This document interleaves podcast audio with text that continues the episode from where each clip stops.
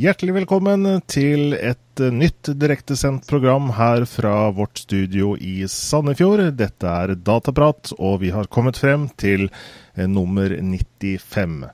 Jeg er Jan Espen Pedersen, og ved min side som vanlig Hallo, ja. Hallo, ja. Einar Holten. Hallo, Einar Holten. Velkommen, velkommen. Takk for det. Er du klar for nok en spennende time med, med dataprat? Yes, som alltid. Ja. Vi skal snakke litt om spill i dag, og det er jo i din bane, Einar. Jeg vet du er veldig spillinteressert generelt. Mm. Mm. Stemmer det. Ja, fordi at det er nemlig en uh, spillmesse på gang. Det er da helgen nest, Altså neste helg, ikke nå til helgen, men neste helg. Så det er altså helgen 30. november til 2. desember. Og i den sammenheng så skal vi snakke med messesjef Erling Andersen. Du er med oss på Skype fra Oslo, formoder jeg? Ja, det stemmer. Velkommen til oss i, i Dataprat-redaksjonen. Takk, takk. Du, Vi hadde jo lyst til å snakke litt med deg i og med at det er en stor spillermesse på gang eh, da i, eh, i Lillestrøm. og Eh, altså Vi er jo i 2012. Er dette da den, virkelig den første spillmessen som jeg ser, eh, ser, ser det står omtalt? Eh, det kommer litt an på hvordan du ser, hvordan, hvilken definisjon du har på det. Jeg har jo vært med i spillmiljøet og, og internettmiljøet siden jeg var på The Gathering første gang i 1996, tror jeg. Du har vært med lenge, ja. Ja. ja. Og da kan du gjerne si at The Gathering er en, er en spillmesse også. Um, men hvis man har vært på litt utenlandske, så som f.eks. noe som heter Gamescom, som arrangeres i Tyskland hvert år, som er en forbrukermesse, um, som også ligner litt på E3 i Los Angeles, så er det den type spillmesse vi ønsker å, å lage. Noe som klarer å tiltrekke de største utgiverne, sånn som Electronic Arts, Ubisoft, Nintendo, Microsoft uh, og Sony PlayStation. Um, og hvis man ser uh, i det formatet, så har det aldri vært noe sånn i, uh, i Norge før. Mm, mm. Jeg ser at denne, denne, messen var vel opprinnelig ment tidligere i november, men ble flyttet pga. svenske GameX, var vel det. Er det slik at det er liksom folk i, i Skandinavia som, som, Når det krasjer, så er ikke det så heldig for Er det for publikum, eller er det for utstillerne at det rett og slett blir dumt å, å, å ha to sånne messer så, så nært i Norge og Sverige samtidig? Det er et godt spørsmål. Det som har skjedd i det siste, er at veldig mange bransjer er under press. Det gjelder også spillbransjen. Og som følge av det så er det veldig mange selskaper som legger hovedkontorene sine i enten København, Oslo eller Stockholm. Og veldig mange har valgt Stockholm. Og det er klart for, for markedssjefer, f.eks. For, for Activision og sånn som sitter da i, i Stockholm, så, så, er det mye lettere å prioritere en svensk messe enn en norsk messe. I hvert fall når det arrangeres samtidig. Så da for å unngå hele den problemstillingen, så flytta vi vår messe um, to-tre uker etter Games, uh, GameX i Sverige. Mm. Sånn for å unngå hele den problemstillingen. Mm. Det er nok uh, lurt, vil jeg tro. Eh, hvordan er det nå når dere har henvendt dere til utstillerne i forhold til at uh, altså Gathering er vel kanskje kjent for mange av de, men uh, det at det da, skal være en, en, stor spillmesse for første gang, er, hvordan er reaksjonen fra dem? Det har vært egentlig en overveldende respons helt fra dag én. første vi prata med, var Electronic Arts i Norge, som sa at um, det var morsomt at vi ringte akkurat når vi gjorde, fordi de satt akkurat og diskuterte hvordan de skulle gjennomføre sin egen spillmesse i Norge. Som da, som da, bare kom til å være EA-messe. Hmm. Så det har vært god helt første start. Vi fikk veldig tidlig med oss Electronic Arts og PlayStation. Og så har de andre egentlig rulla på. Nå sist signerte vi Nintendo denne uka. Så de kom med en 305, 325 kvadrat stor stand og lanserer VU i Norge hos oss. Så det er jeg veldig stolt av og veldig glad for. Bra tima med datoene, sånn med tanke på lanseringa den 30. Så det er bare flott. Var, vi var veldig heldige med det. Det tenkte mm. vi ikke på på forhånd, men det var noe som klaffa veldig bra. Ja. Ja, fordi de store spillmessene i liksom, eh, ja spesielt kanskje i USA, da, men kanskje til og med også på Gamescom, så er det jo liksom Produsentene prøver å holde igjen litt og ha noen nyheter til disse messene. Er det, eh, er det noen unike ting vi kan vente oss eh, for Norge nå neste helg? Eh, ja, det, det, er det absolutt. Eh, noen ting kan vi prate om, andre ting kan vi ikke prate om. Det, ja, det, vi, kan, det vi kan prate om, er at eh, Nintendo selvfølgelig kommer med VU og en del eh, nye spill. Bl.a. Super Mario kommer nytt Super Mario-spill som de eh, skal eh, snakke om på messa. Um, og så kommer det også alle de andre utgiverne med de nye titlene sine og nye spillene sine, som man vil kunne prøve på messen. Uh, så det blir gøy. Og det, igjen, det er noe som man ikke har sett så mye av i Norge før. Ofte har det vært type cosplay-arrangementer og sånne ting, men mm. ikke, så, ikke, så, stort fokus på å liksom faktisk sette seg ned og spille de nye spillene helt fra, fra før de er uh, sluppet. Mm. Eh, det blir bare mer som vanlig Gamescom, at du bare Det er ren forbrukermesse med, med bare spill og sånn. Er det noen andre ting som dere kan tilby, eller? Ja, vi, vi har prøvd å hele intensjonen helt siden vi gikk i gang med denne messen, har jo vært å lage en samlende eh, arena for alle som driver med spill i Norge. Så enten om du er en profesjonell spillutvikler, om du er en 14 år gammel kid som bare liker Fifa, eller om du er en foreldre som vil utdanne deg mer om spill og hva de har å si for barna dine, så ønsker vi å lage en messe som, som tilbyr noe for det. Mm. Så på årets messe så vi ha alt fra type Barnevakten, en organisasjon som eh, prøver å fortelle om vettig spillbruk, til Fifa-konkurranser eh, hvor du kan vinne premier, og e-sport. Så det er et ganske bredt, eh, bredt program. som Um, og vi også har en del foredragsholdere som kommer for å snakke. Annet Funcom kommer for å snakke om spillutvikling. Og, og, utdanninger, sånn som NITH kommer for å snakke om uh, hvordan du kan bli spillutvikler og bli spilldesigner. Så selvfølgelig det, store fokuset være på, på SpillExpo som forbrukermesse, men det er også et veldig bredt program som følger. Mm. Ja, vi ser jo også på hjemmesiden deres, da, det er spillexpo.no selvfølgelig, så har dere jo da eh, begynt å, å, samle sammen de som kommer av utstillere. Her er jo selvfølgelig store navn, de største egentlig. Du kan jo kanskje, hvis du ser noen uh, du vil nevne spesielt her, så er det jo bare å, å rope ut, egentlig. Ja, um, det er veldig mye spennende. Eh, man ser at konsollmarkedet er representert i, i, form av de tre store. PlayStation, Xbox og Nintendo. Men så har vi også et veldig stort fokus på PC-spill. Så Digital Impuls kommer blant, som er en veldig stor PC-butikk, og samgjør Komplett. Og, og, Digital Impuls vil sette opp noe vi kaller Spillbingen. Som vil bestå av en, en stor PC-park full av datamaskiner, hvor du kan prøve, prøve spill. Og det vil også være sponset av Steel Series og Mad Cats, som også leverer eh, premier til e-sportskonkurransene våre. Mm.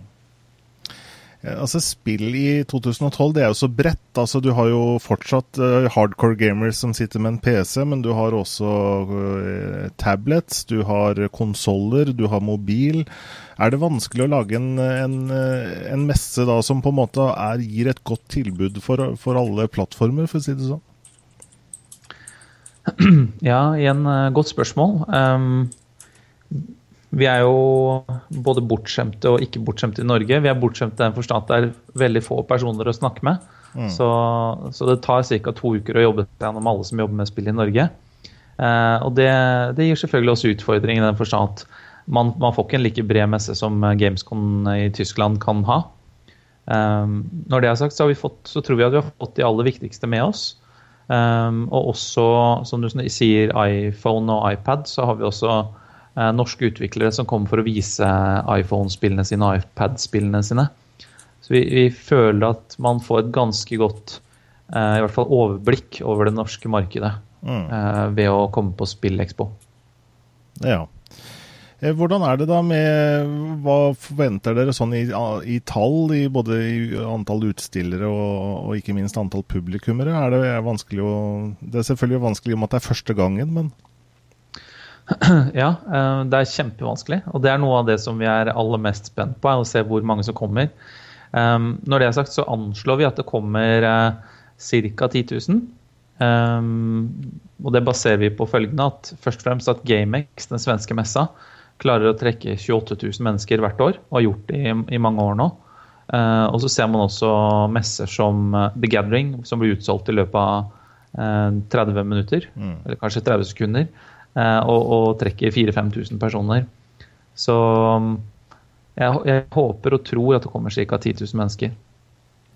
Ja, det, for det er jo liksom når det er første gang det er en, en, en sånn type messe i Norge, så, så, Og mange i Norge har kanskje liksom ikke hatt anledning til å være, reise til Tyskland, eller til I hvert fall ikke til USA, og kanskje ikke engang til Sverige. Sånn at man endelig, når det kommer til Norge, så, så kan det være spennende å besøke messen da i, i Lillestrøm, Norges varemesse.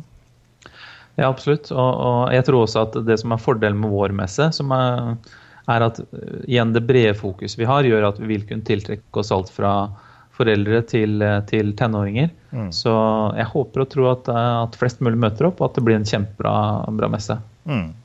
Er det noen, holdt på å si, Trenger dere hjelp? Er det noen som kan komme inn gratis ved å hjelpe dere? Det, trenger dere mannskap?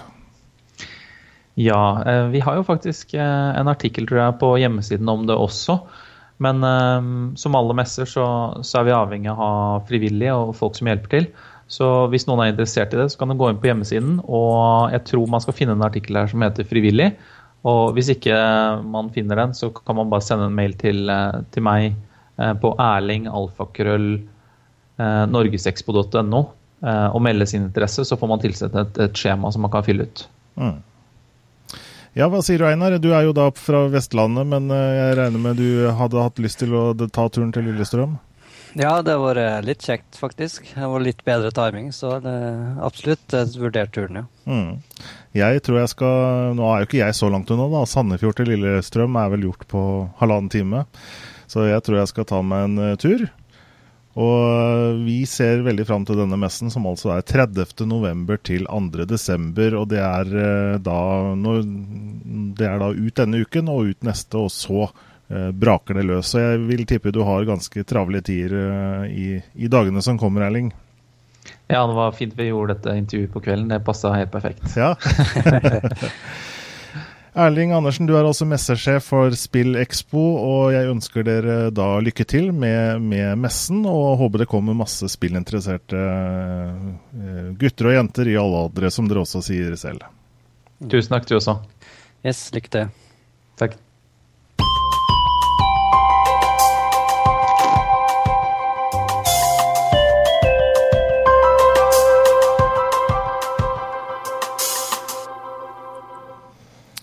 Ja, det var SpillExpo, og vi skal holde oss til uh, spill, Einar, fordi at uh, det er jo en liten tittel som har uh, hatt lansering nå i uken som har gått, nemlig Call of Duty. Dette er jo en franchise som nå er har kommet hvert eneste år, i, begynner å bli noen år nå. Og faktisk så er Black Ops 2 den niende tittelen i rekken, du. Ja, det er helt sjukt. og fremdeles største tittelen i verden, sånn sett. Mm.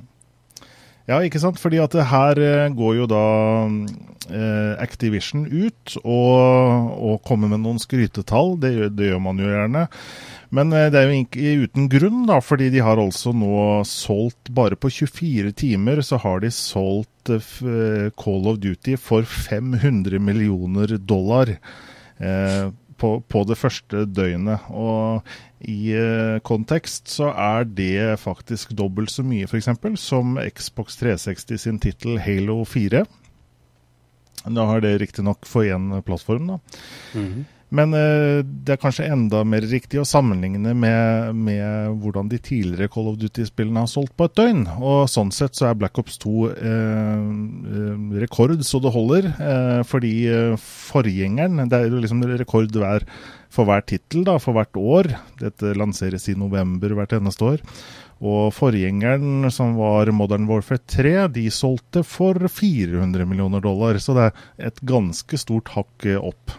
Hva, hva er det ved denne tittelen og franchisen som gjør den så unik, som gjør at alle går uh, mann av huset for å kjøpe seg spillet? Nei, det, det må egentlig være det at det, det er en ganske sånn uh, allmennvennlig tittel. Eh, det er enkelt å sette seg inn i, og det er en populær sjanger med skytespill. og Det sånn, treffer egentlig ganske midt på blant sånne folk. da. Mm. Og spesielt ungdommer. da. For det er òg et ganske høyt sånn konkurransespill med multiplayer. nå. Mm. Så nei, det er en ekstremt populær. Jeg skjønner egentlig ikke hvordan den klarer å utvide seg. Altså, den blir bare mer og mer, mer og mer større og alt sånt der. Mm. Ja, det, det, er i hvert fall rekorder på rekorder. Ikke bare salg, men uh, altså det er jo store events rundt dette, denne releasen. Det var noe sånn som 16 000 utsalgssteder som hadde sånne midnight releases, ikke sant? Hvor det, hvor det er noe lange køer og det skjer noe ekstra. Mm. Uh, trending topics eh, var det jo på Twitter i, i en rekke byer, og også en, eh, en launch-trailer. Denne som de har kalt for Surprise, er jo sett over 30 millioner ganger allerede på, på, YouTube, så det er stor interesse. Du har testet spillet, Einar? Ja, jeg har det. Jeg fikk taket, men jeg kan ikke si jeg ble så imponert over spillet. Så litt skuffa, men nå spiller jeg jo kampanjen primært, da. Så den syns jeg leverte noe særlig. Uh, men jeg har hørt at multiplayeren er langt bedre, da. Så det kan en etter hvert begynne å prøve den, da. Men uh, litt usikker. Ja, for det er kanskje multiplayeren primært som har vært Call of Duty sin virkelig salgsforse. Altså det er kanskje mm. det som, som gjør tittelen mest populær. Selvfølgelig så de fleste som kjøper, kjøper spillet for multiplayer, drar vel kanskje gjennom Eh, kampanjen en gang først, enten om det er på Easy eller hva det er, bare for å liksom oppleve historien, og så, og så går man, man løs på multiplayer-biten etterpå. Mm, helt klart. Uh, men jeg syns det er litt interessant den 500 millioner uh, på ett døgn. Da. Hvis du sammenligner med f.eks. Uh, kino, da, film og sånn, og de tjener jo ja, kanskje det samme på ei hel helg. Mm. Så det er ikke noe det er litt sjukt at spillbransjen har eh, eksplodert så mye i forhold til film. Så filmmedium det sliter med å holde følge, faktisk. Mm. Ja, det er helt eh, hinsides tall, og det, det, får jo bare Activision til å gå i gang med neste Call of Duty, antagelig. Det er jo det er ikke noe grunn til å stoppe nå, og det er jo ikke noe grunn til å tro at det blir noe mindre salg neste år. Men hvor, skal man liksom ta tittelen? Nå har man vært i andre verdenskrig, og man har vært i nåtid, og Black Ops 2 er vel litt i fremtiden, eller? Ja, det er litt i fremtiden, ja. Eh, det var en eh, ja, ti, ti år cirka. Mm. Så ja, nei, jeg vet ikke helt. Eh, de bør kan ikke gå altfor langt inn i framtida, spør du meg, da. Men uh, jeg syns egentlig Modern Warfare-retninga er kanskje den sterkeste i serien. da. Mm. Uh, Sjøl om ennå originalen er ikke slått ennå sånn kvalitetsmessig, syns jeg, da. Personlig så, så, så er, er, det liksom nåtid uh, FPS som, er, uh, som appellerer uh, til meg. Og det er, ikke sant Skal du liksom inn i fremtiden med romskip og ting du ikke har noe forhold til, så, så kan det vel hende at flere enn meg faller av i forhold til interessen. Det var jo, Denne tittelen fikk jo sin storhetstid, kanskje, med, med Call of Duty 4, hvor de da dro krigen til nåtid. Ja, jeg tror egentlig det var liksom timinga med det hele. da, Med at uh, det kom på en tid der de fleste var ganske metta på andre verdenskrig, uh, andre verdenskrig da, som da serien originalt uh, ble starta via. da. Mm. Så, Men det at Modern Warfare kom, det var liksom Da bare eksploderte det. var Jeg syns egentlig bare er perfekt timing av markedet og sånt der. Så, og da er det bare å ri på dem. Mm. Vi skal se avslutningsvis, for de som ikke har sett den, da, denne Surprise Launch-traileren, som, som, er virkelig god. men Den viser ikke så mye om selve spillet, men den er i hvert fall relativt påkosta, og det er noen kjente fjes her også. Vi avslutter eh, denne Modern War Nei, unnskyld, Call of Duty Black Ops 2 eh, med denne Surprise Launch-traileren.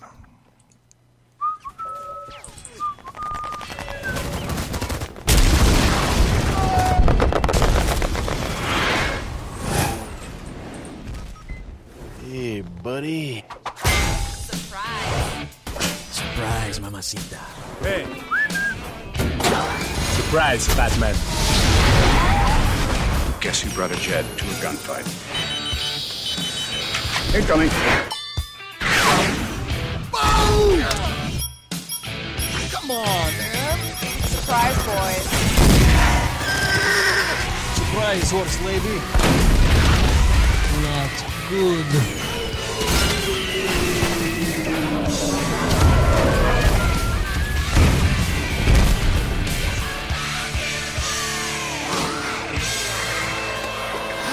Zombies.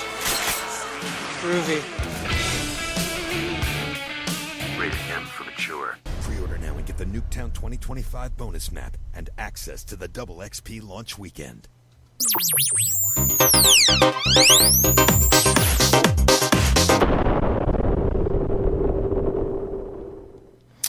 Ja, der minte vi på vår hashtag som er dataprat. Det kan dere bruke på Twitter. Gjør gjerne det, sånn at dere forteller deres venner som kanskje også er interessert i en dataprat, og følger med på oss her på Direkte TV.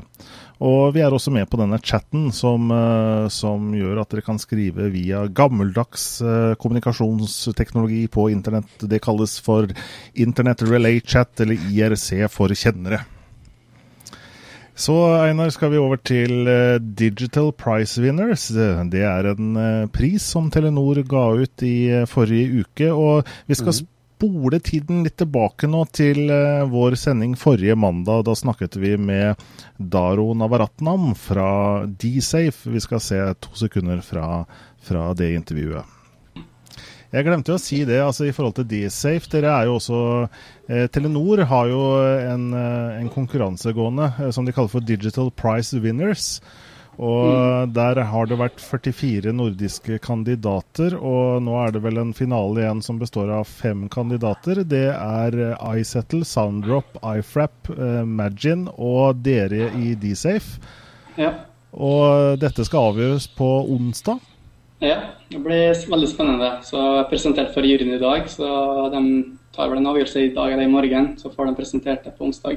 Mm. Så det er en pott på 200 000 kroner og mulig eh, samarbeid med Telenor. Så vi er mest eh, gira på å få et samarbeid med Telenor. Mm. Og penger til julebord, så klart. Eh, da vet vi hvor pengene skal gå, i hvert fall hvis det Nei, er nei, det skal vi ikke bruke alle pengene på det, nei. Ja, det var forrige, øh, forrige mandag, og for øvrig så var tema cloud computing.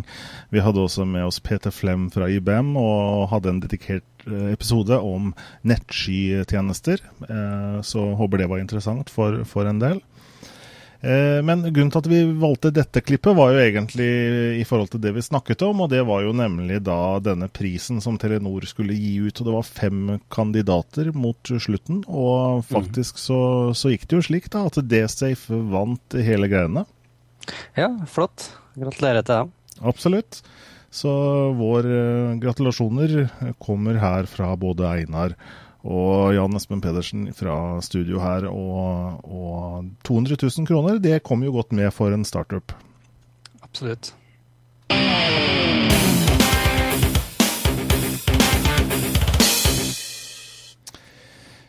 Så har det jo lenge vært snakk om eh, at Spotify skal eh, komme over i en sånn nettbasert eh, tjeneste. Dvs. Si, eh, altså at du kan få Spotify via nettleseren, eh, via HTML5-teknologi. At man slipper å ha applikasjoner, da, denne Spotify-klienten også. Applikasjonen er jo sånn som hver gang jeg starter den, i hvert fall, så skal den jo oppdatere seg. Det er en ny versjon hele tiden osv.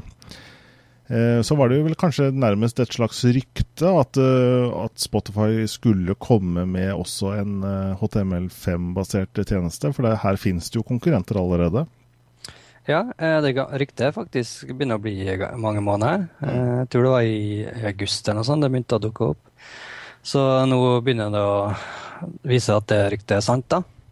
Ja, det, det gjør det, fordi at eh, Og det har jeg ikke fortalt eh, deg, Einar, men jeg har faktisk fått det. Så jeg tenkte å gi dere en live demo her og nå. Mm, fint. Så sånn ser det ut. Eh, nettstedet. Altså det ser jo nesten ut som applikasjonen, da, men dette her er bare via Chrome hos meg. Eh, og så er det da eh, lagt opp Altså det, du har vel antagelig ikke all funksjonalitet slik som du har i applikasjonen, men du har liksom top tracks, du har trending playlists, du har new releases, eh, også recommended albums i toppen her. Og det begynner jo å spille umiddelbart. F.eks. denne 'Livet er så sweet' med Admiral P, som jeg har litt eh, eh, har litt sansen for for tiden. For livet er så sweet, aha. Man høster som man så det, og livet er så sweet, Og så er det jo noe med det at det er helt responsivt. ikke sant? Det begynner å spille umiddelbart. Uh, så det er nesten som å føle at du sitter på applikasjonen her, altså. Ta for eksempel eh, Top Tracks in Your Country nå. Det er uh, Diamonds med Ri Rihanna. Shine bright like a diamond. Og så kan du, ikke sant, i playeren her så har du volum, du har repeat og disse funksjonene. Hoppe rett ut, f.eks. Skal vi se om man starter umiddelbart.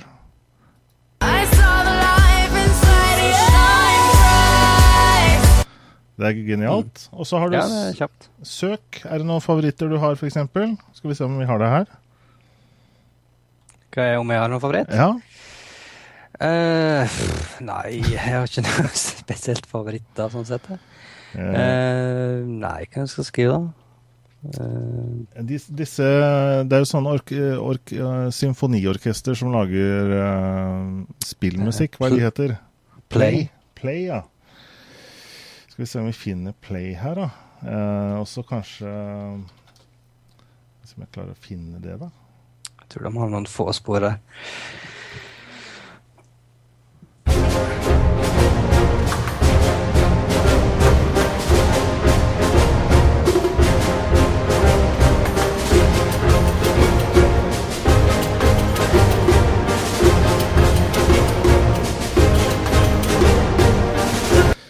Ja.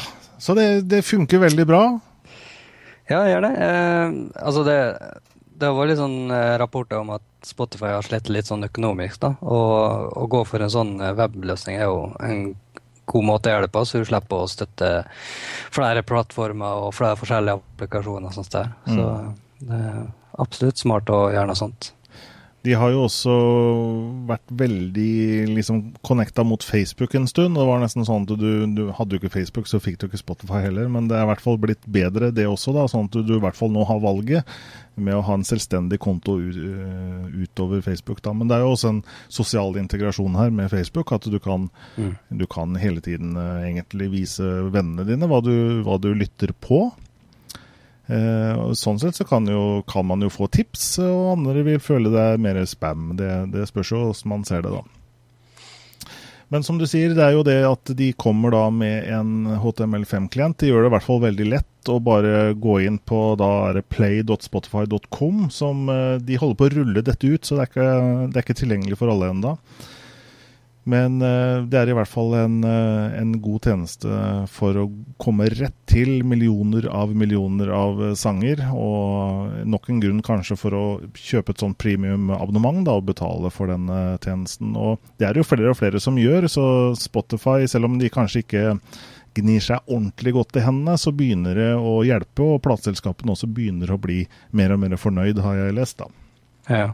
Det jeg er litt sånn bekymra på, er den offline-funksjonen. da. Eh, Jeg vet HTML5 støtter jo offline, da, men jeg, på, jeg er spent på hvordan det vil fungere på mobiler. og sånt der. da.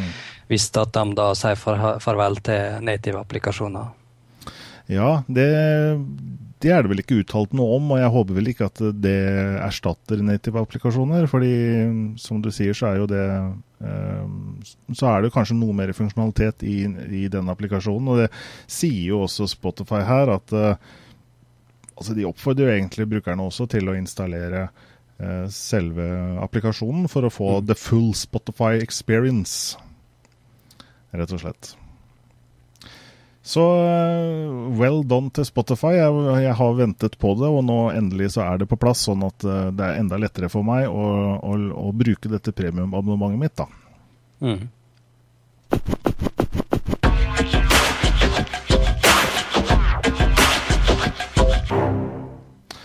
Så til eh, Microsoft. Det skjedde jo store ting eh, omtrent med vår eh, Mens vi snakket om cloud forrige mandag, så, så skjedde det ting i ledelsen der.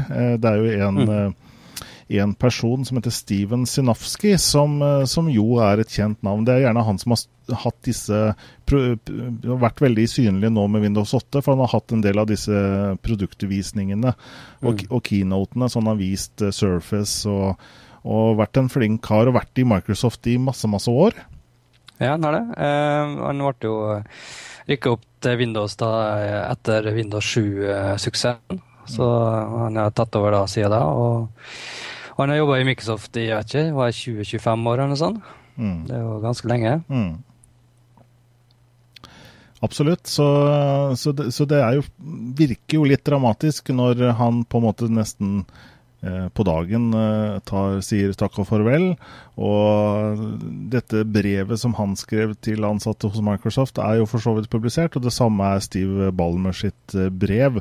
Og det er jo selvfølgelig litt uklart hva som er årsaken her. Og verken Sinopsky eller Ballmer ønsker vel å gå ut med med den egentlige årsaken, men skal man lese litt mellom linjene, så kan det vel virke som Balmer har ment at, eh, at, han at Sinowski har hatt en litt sånn, kall det litt sånn litt treg eh, utrulling av Windows 8 og Windows 8-strategien. Eh, at det har gått, eh, gått litt i litt for tregt tempo, da, og at, eh, at, eh, at de rett og slett eh, Eh, og Balmer ønsker at Windows skal gå enda fortere framover, og at Sinowski var med på å hindre det. da. Mm, ja, det var litt sånn rykte her og der at det var, var litt vanskelig å samarbeide med han innad de forskjellige divisjonene i, i Windows og Mixoft. da.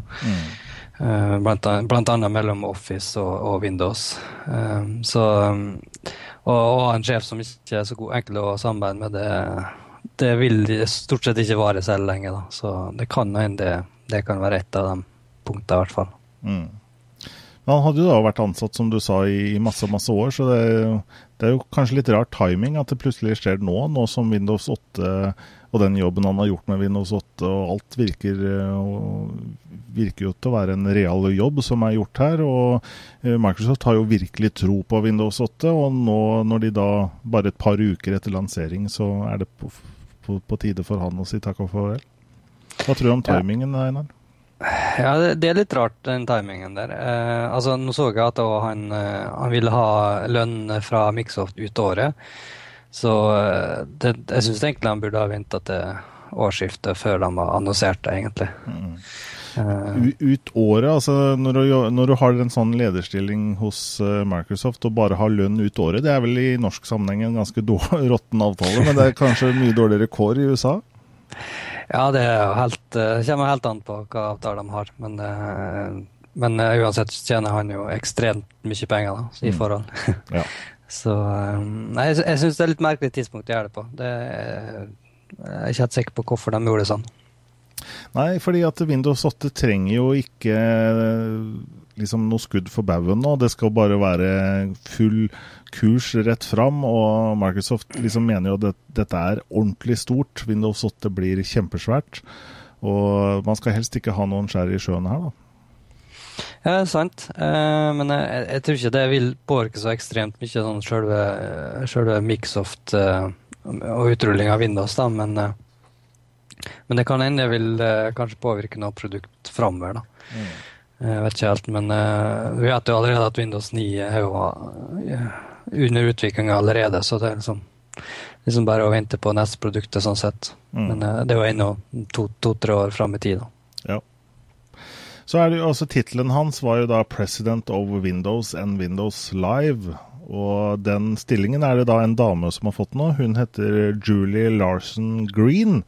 Også mm. vært i Microsoft en stund, eh, og hun tar da over etter, eh, etter Steven Sinofsky, da. Eh, og eh, nå, nå er ikke det noe kjent navn for meg, men det, det jeg har lest meg til, da, er vel at hun verken er uh, ingeniør eller uh, hva skal jeg si, en produktvisjonær. Da. At, uh, at det kanskje kan virke som hun har fått stillingen litt fort og litt midlertidig her.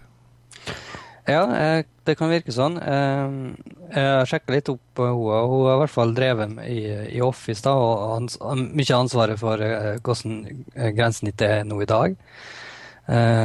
Både på Formetro og, og det ribbon-grensesnittet. Så Så hun er den mest sånn designer, ser det ut som, da, at hun kanskje ikke er den rette i stillinga der, da. Mm. Jepp. Vi eh, vet jo ikke så mye mer, men, eh, men Steven Sinofsky er i hvert fall ikke med der mer. Og, men det er vel en person som kanskje lett får jobb igjen. Det kan vel være noen konkurrenter også kan, som kan tenke seg hans ferdigheter. Ja, helt klart. Jeg tror ikke han kommer til å vente lenge på å få et, et tilbud. Nei.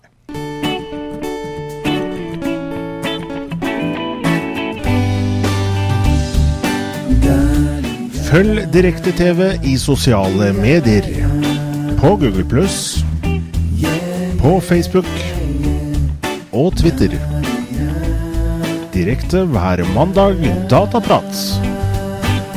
Direkte hver onsdag Sosial Direkte. Ja, vi må reklamere litt for oss selv, Einar. Eh, vi vil jo gjerne at flere skal eh, vite om oss, for jeg tror det er mange i Norges selv eh, lille Norge som ikke har hørt om verken dataprat eller direkte-TV i det hele tatt. Så for å være klar på det, vi har altså noe som heter Direkte-TV, som er nettstedet hvor direktesendingene skjer. Vi har to sendinger i uka. Det er på mandager, som er nå, hvor vi om hvor vi har en dataprat, Einar Holten og meg selv. Og det er da hver mandag fra 21.30 til 22.30.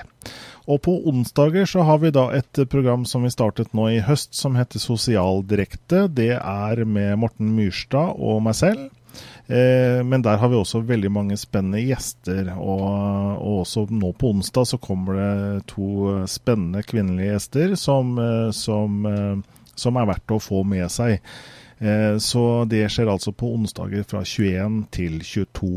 Alt skjer direkte, og det vil si at dere som ser på har mulighet til å skrive inn til oss, være med å påvirke sendingen der og da, og ikke minst også være med å stille spørsmål til gjestene våre. Så det er mandager og onsdager som gjelder å huske på. Og vi har altså mm, sider på både Facebook, Google pluss og Twitter eh, som er verdt å følge, sånn at man ikke går glipp av våre sendinger. Og eh, vi har også da opptak som er tilgjengelig på YouTube. Der har vi youtube.com slash sosialdirekte for onsdagsprogrammene våre. Og så har vi da eh, også selvfølgelig alle disse datapratsendingene også på YouTube, men som også er synlig via direkte-TV. da. Når ikke vi er live, så ligger alt dette i arkivet vårt på direkte-TV også. Og også for dere som lytter på lydpodkast, så er vi tilgjengelig også der.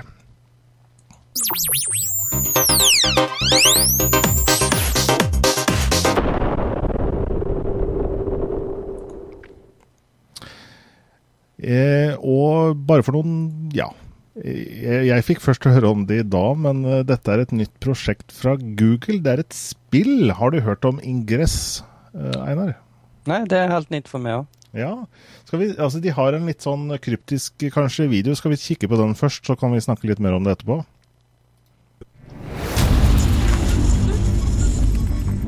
What was the net effect of the Niantic project? We had crossed a threshold in which global security could be at risk. Decrypting the data was the mistake. This is not psychosis or some cognitive break, but an actual takeover of the mind. Much of the public sculpture found in our cities is based on design seeded in the human mind. Certain places have an energy that not only attracts people, but attracts events. The mission of 13 Magnus is to monitor the effects of mind hacking. Obviously, this will be done with the highest of security to make sure that the ideas do not contaminate or threaten humanity. This all leads to Niantic. I know that many tools will be needed to fight this battle. You just have to know where to look and know what you're seeing. Portals emit exotic matter into our world, and that matter has certain effects on our world. I started noticing that there were energy fields, anomalies on Earth all around me. A few of them exhibit properties that are as yet unexplained. I know that there are others out there. What if they're already among us, but we don't realize it? And I must be prepared to work with them or fight them. They are coming. Something's wrong out there in the world, This doesn't feel like a scientific study.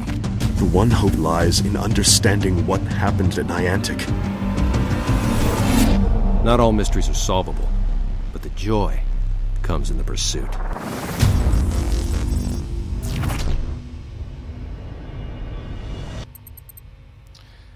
It's time to move, sier de her. Og dette er altså et inhouse-selskap hos Google som heter Niantic Labs. Og de har da laget et spill for mobiltelefonen som, eh, som du skal spille da, etter det jeg forstår, ute i, i eh, gatene. Og den benytter seg da av augmented reality, så du bruker da kamera, etter det jeg forstår. Altså For meg så er dette også litt kryptisk, og så, mm, så vil det på en måte være elementer, og du vil kunne samarbeide med andre rundt i gatene som eh, spiller dette her, da. Og det er en slags problemløsningsspill da, hvor man skal løse oppgaver både, både sammen og hver for seg. Syns du dette høres spennende ut, Einar? Ja, eh, selve konseptet virker ganske spennende. da. Eh, men jeg vet ikke helt hva type oppgave du må løse, da. Men det er ganske stilig at de blander inn eh, eh, altså eh, virkelig verden og, og dataverden da, på den måten der, med augmented reality og sånn. Mm. Eh, og det er helt klart eh, noe i den retninga spillet vil ta, muligens. Så absolutt noe å følge med på. Mm. Og det, og det å spille spill på telefonen begynner jo å bli vanlig etter hvert. Og selv når man sitter på trikken eller på toget, så er det jo, går det en del i Wordfeud og, og Angry Birds, har jeg sett, da. Det er det. Men hvordan tror du folk vil liksom gå rundt hvis det er sånn at du må liksom peke med kamera rundt, og vil ikke det se litt rart ut da? Eh, det kan jeg nok eh, gjøre i visse tilfeller, men eh, jeg tror ikke jeg tror de fleste ikke har noe særlig stort problem med det. Men det, det kan være lite hinder, da, tror jeg, hos enkelte. Ja, eh, men det er rart med det. Bare, det, bare den telefonen, når det kom på hva var det, tidlig 90-tall. Eh, og det å ha den opp til øret og gå rundt i gata, det så jo andre folk på som litt rart. Så det har jo litt med hva vi er vant til, da. Ja, helt klart. Jeg husker det. var- Og spesielt når det kom handsfree. Det var litt sånn sært at folk gikk og pratet med, med seg sjøl på en måte eh, midt på gata. Mm. Drithøyt og greier. Så det var litt eh, vittig å se av og til. Men uh, nå er det, noe, det er jo helt dagligdags nå, og du, du tenker ikke noe særlig på det. De som var ordentlig tidlig ute, hadde jo de der gamle NMT-telefonene med batteri, vet du. Så de Ja. hadde de slepa det med seg rundt i gata. Det, men det var kanskje litt for tidlig eh, ute. Ja, jeg tror det var kanskje hakket for tidlig. Litt upraktisk. Ja. Men så ble det altså mer vanlig å gå rundt med telefon, og etter hvert så vil det kanskje være helt vanlig å gå rundt og Å ja, han der spiller Ingress, sier folk. Det blir helt vanlig. Mm, så har du jo eh, Nokia sin tjeneste CityLens, da, der du bruker kamera til å se eh, lokasjoner i, i området der du er. Så eh, det blir mer og mer aktuelt å, å bruke augmented reality. Mm. Da er det kanskje mer praktisk når Google kommer med denne brilla si, denne glasses, at, mm. at du kanskje får noe augmented reality med deg uten at det ser så Uten at, eh, at du, du kan gjøre det litt skjult, da. Litt, eh, litt mer eh, eh, anonymt. Ja, altså Det er ikke dumt at du nevner det, for det, det er helt klart eh, noe i den retning dette spillet vil etter hvert ta. Det har i hvert fall ikke forundra meg. Mm.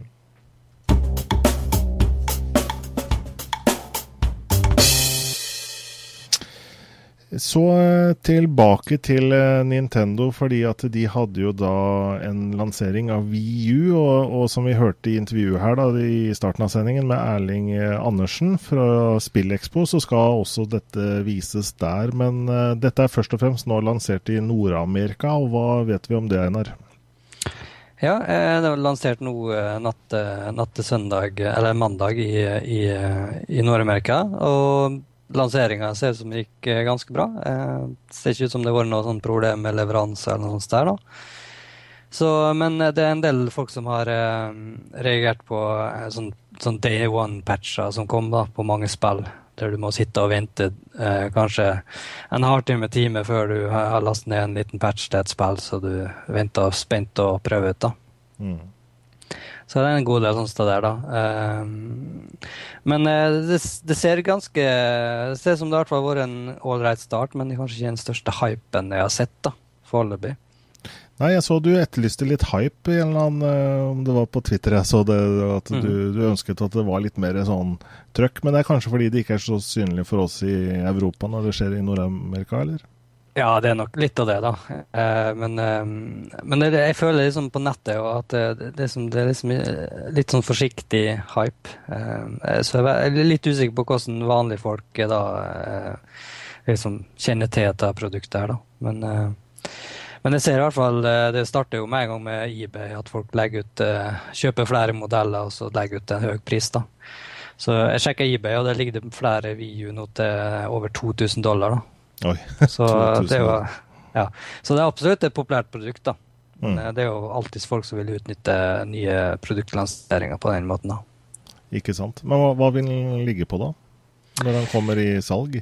Den Det kommer jo i, eh, i Norge den 30. november, da, så den dagen SpillExpo starter. Så det er en bra timing der. Eh, og prisen er jeg litt usikker på, eh, men den ligger på 350 dollar da, i veiledende pris. Eh, så jeg vil tippe mellom 3000 og 3500 i Norge. Mm.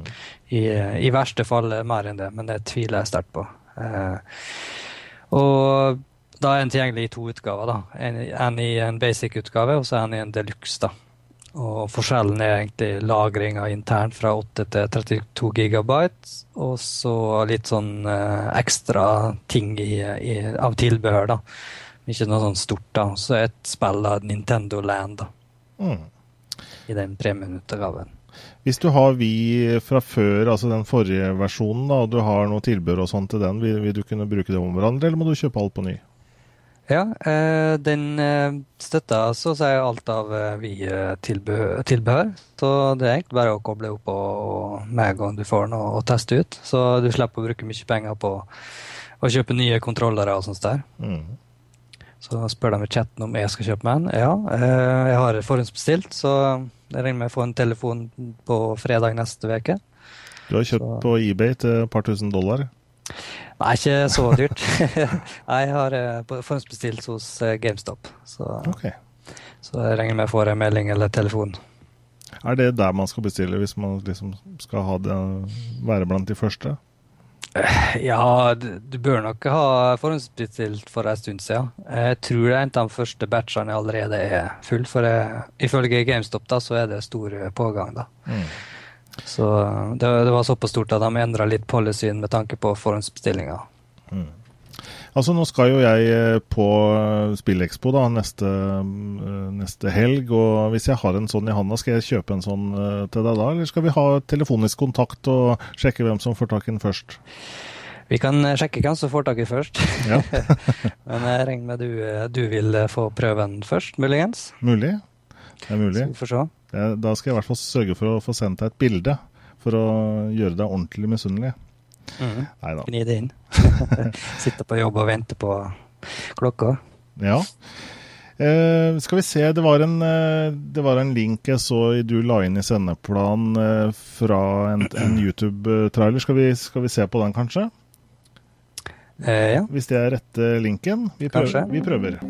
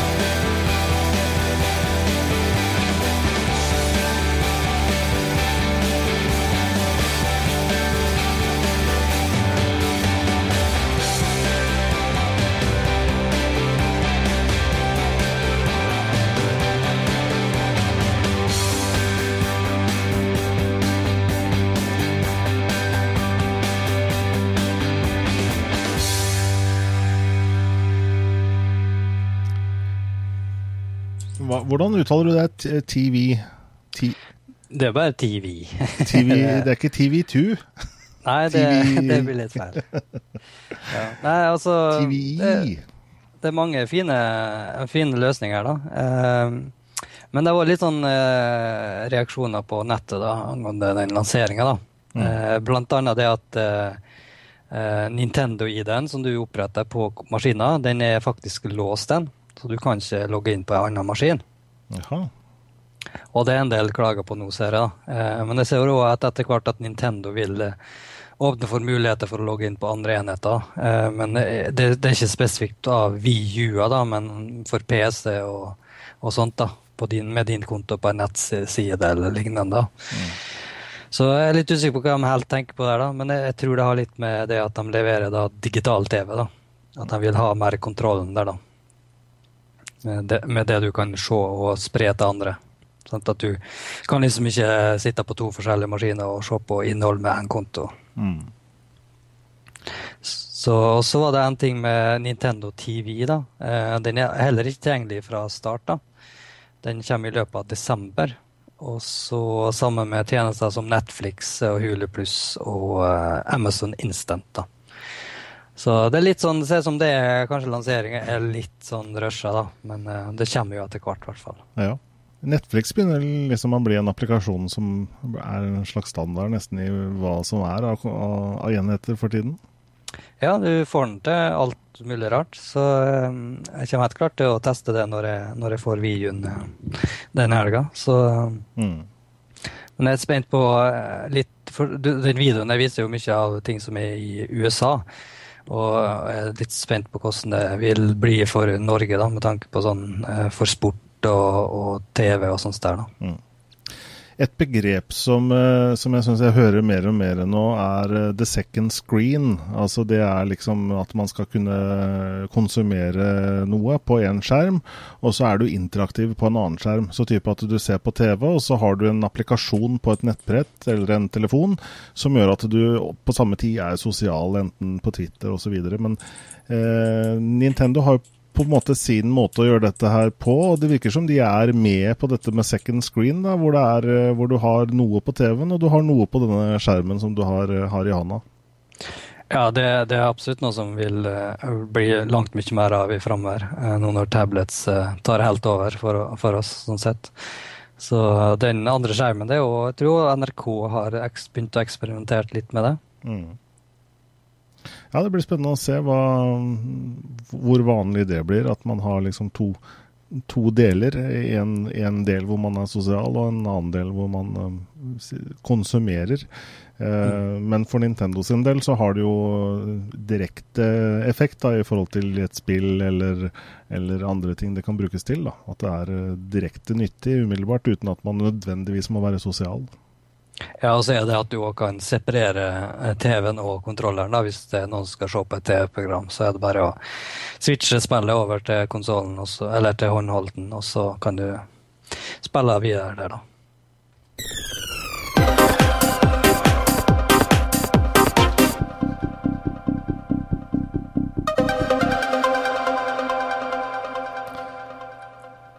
Adobe har et forum som heter connectusers.com, og de hadde en stygg sak i uken som gikk, Einar.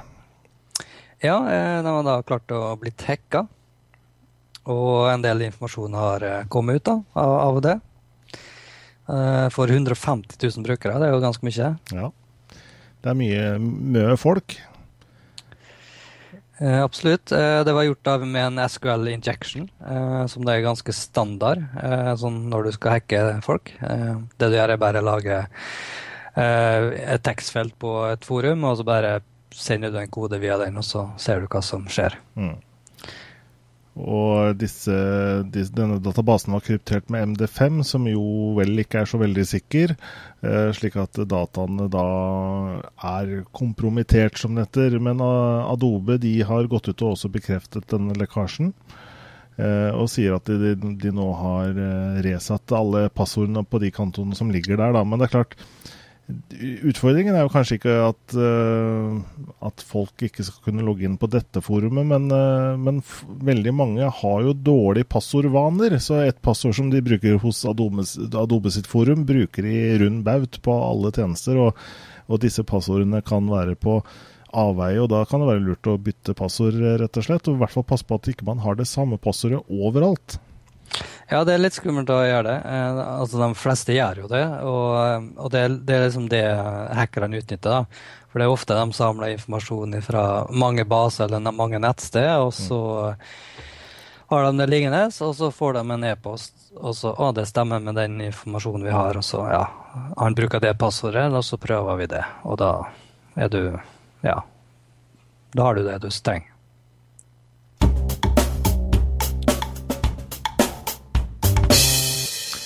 Vi raser videre i programmet, vi, og nå skal vi snakke om Windows Phone. Det er, noe, er det rykter, eller er det, er det noen nyheter vi har å komme med der også, Einar?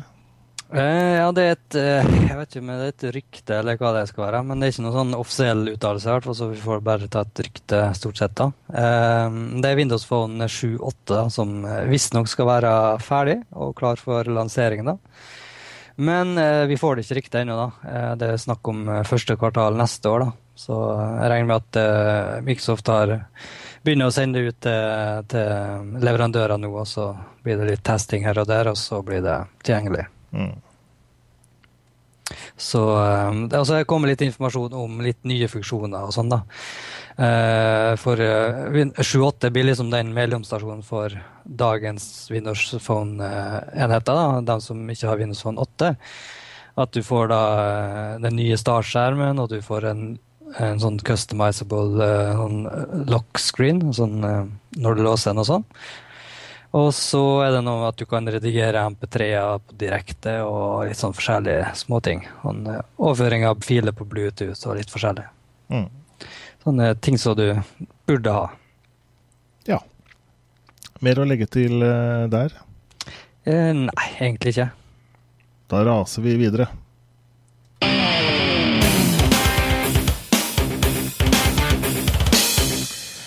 Jeg tenkte bare avslutningsvis uh, vise en tjeneste som heter Wayback Machine. og Det er jo en tjeneste som har vært en god stund nå. Mange har sikkert et uh, forhold til den, enten at de har vært inne på den uh, på et eller annet tidspunkt, men kanskje det er en og annen som også det er nytt for. Jeg tenkte bare avslutningsvis å vise noen, noen, sider. Dette er jo på en måte etter hvert et ganske verdifullt arkiv, da, fordi man kan gå tilbake i tid og se hvordan nettsidene var en gang i tiden. Eh, og tjenesten er ikke 100% så det er, eh, det er, ikke sånn at du kan se mm, alle eh, nettsteder til, til enhver tid. Og det er en del elementer som kan mangle i bilder og en del ting. Da. Men, men ofte så kan tjenesten gi et veldig godt inntrykk av hvordan internett så ut for, for mange år siden, og nesten tilbake til tidenes start på internett. Tenkte bare å avslutte da med hvordan dette så ut. F.eks. Apple, da, som jo er uh, i, i, vinden, uh, har vært i de siste årene. Sånn så jo da nettsiden uh, til Apple ut. Dette her er da i skal vi se, juli 97.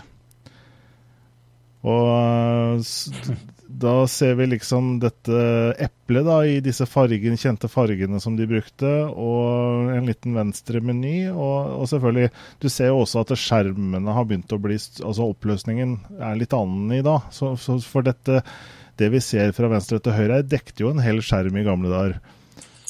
Ja, det gjorde det. Så det, det var ofte oppløsninger på 640 ganger 480, og, og i verste fall lavere. Da. Ja. Ja, ikke sant. Så 640-480 var vel vanlig, og noen var kanskje så rå at de kjørte 800 ganger 600.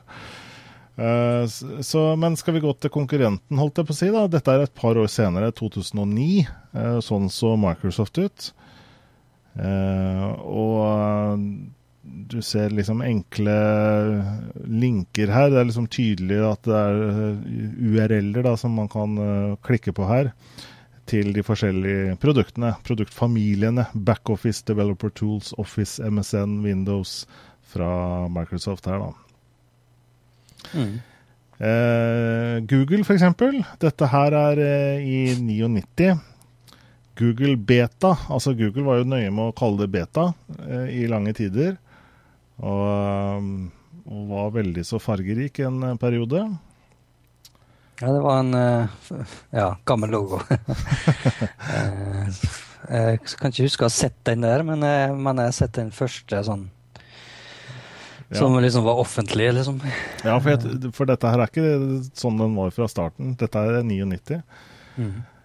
men så, så, gikk de så, så, har du på toppen her så har du liksom denne denne tids, eh, tidslinjen, da, som er buffrete sider fra, i denne Wayback-maskinen. da, Så ser vi at det er 7225 captures av Google.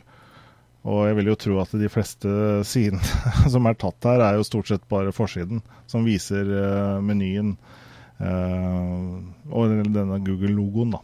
Og sånn vil det jo da se ut ofte da når det mangler bilder. Så er det bare en liten sånn, sånn ja, bildet er ofte ikke fungerende på greiene der. Ja. Her ser vi 2006, og det begynner jo å se ut sånn som det gjør den dag i dag. Liksom mm. seks år senere. Eh, så var det denne siden her. Husker du Alta Vista? Selvfølgelig. Det var jo mest brukt før Google kom. Ja. Og eh, jeg brukte jo Alta Vista, jeg også. Jeg husker liksom ikke dette designet så tydelig, men dette her er da i 10. mai 2000. Eh, hvor de også begynte en del med disse direktoriene, da, hvor du kan gå inn i kategorier. Eh, men de fleste brukte vel kanskje bare søket til Altavista, stort sett. Mm. Og de kom jo da med image-søk. Du kunne også søke på MP3 og audio eh, for å finne, finne lovlig eller ulovlig musikksnutter på nett. Mm, MP3 var utrolig populært på denne tida her. Fra ja. 97-90 og til 2000. Mm. Det eksploderte. Til Norge, da, så vg.no eh, så sånn ut i 98. Og her eh, Fordelen var at det var ikke så fullt av tjafs. Det var, det var liksom derfra til dit. Det var hele siden. Så du fikk noen hovednyheter, og du hadde en liten venstremeny. Eh, og så hadde du da mm, Se f.eks. her så har de da en kategori som heter animert. og hvis man trykker der så hadde de da altså en egen sånn, ho sånn hovedmeny fra starten hvor du kunne se animerte gifs. Wow. Det var ordentlig banebrytende. Kjørst. så, så har, var, har, du vært inne på VG i siste og sett de siste animerte gifene. Så det, det har de kutta ut da etter hvert som, eh, som internett modnes. Jeg driver og kikker på mine sider som jeg var med å drifte. Ja. Eh, dsnorge.com og vifan.net. Mm. Jeg, har, eh, jeg vet at mine gamle hjemmesider også er, er, ligger lagret hos Wayback Machine, som, eh, som er veldig, veldig, morsomt å se igjen da, på, på, ting man har gjort for mange mange år siden. Det begynner å bli en liten historikk på det som har skjedd på internett. Selv om ikke det er veldig gammelt, så, så er det jo etter hvert noen år med historie som mm. er morsomt å se på. Men uansett, eh, Einar, vi er ved veis ende. Vi er faktisk litt på overtid. Ja. Og vi er eh, tilbake, vi, om en uke. Mandag, eh, hva blir det? Hvilken dato blir det? Det blir da den 26. 26. 26. november, ja. ja. Det er riktig. Så 21.30 så er Dataprat tilbake, men eh, direkte-TV er altså tilbake allerede på onsdag klokken 21, men da med et annet tema, nemlig sosiale medier i programmet Sosiale direkte, med Morten Myrstad og meg selv. Men i denne omgang så sier vi bare takk for følget til dere som har sett på direkte, og dere som kommer til å se på opptaket i dagene og ukene og månedene og årene fremover. yes. Takk for praten, Einar. Mm, ha det.